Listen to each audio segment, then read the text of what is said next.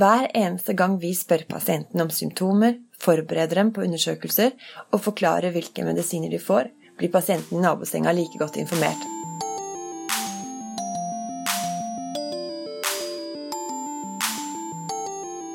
Hei, og velkommen til Sykepleiens podkast.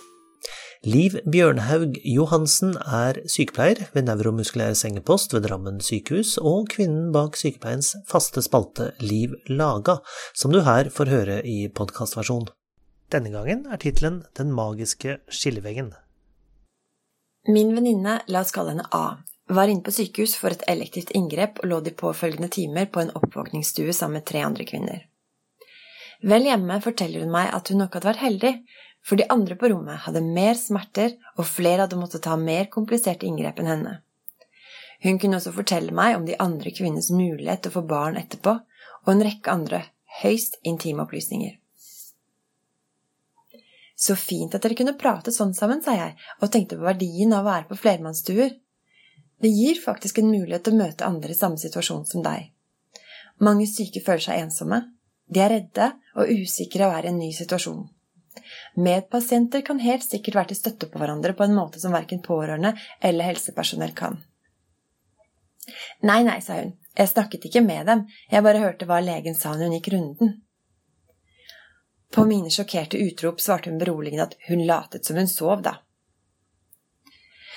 Det er lett å raljere over legers mangel på respekt for taushetsplikten når de holder visitt på flermannsrom, men saken er at med unntak av de aller nyeste sykehusene, er ikke respekten for pasientens integritet noe som har stått på arkitektenes agenda når våre sykehus ble planlagt.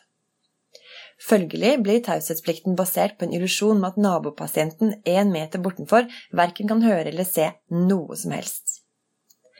For hver eneste gang vi spør pasienten om symptomer, forbereder dem på undersøkelser og forklarer hvilke medisiner de får, blir pasienten i nabosenga like godt informert som pasienten. Selv om vi gjør vårt beste for å late som pasientens integritet er intakt bak den tynne skilleveggen, er det øyeblikk da den grimme sannheten blottlegges.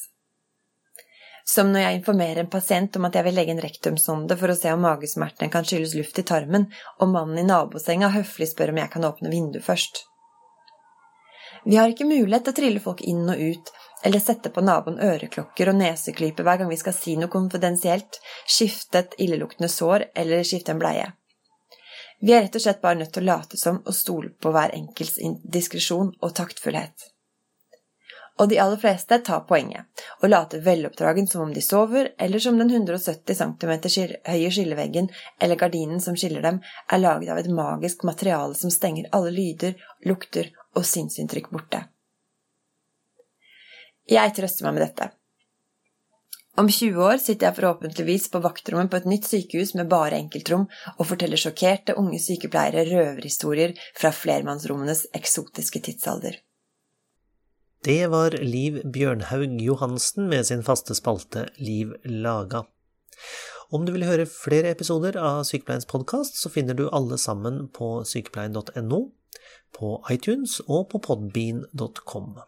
Om du bruker iTunes, så setter vi pris på en liten anmeldelse eller vurdering, og du kan også sende inn det du måtte ha av kommentarer og innspill til redaksjonen at sykepleien.no. Du når oss også via Sykepleiens Facebook-side eller vår Twitter-konto. Jeg heter Ingvald Bergsagel. Vi høres.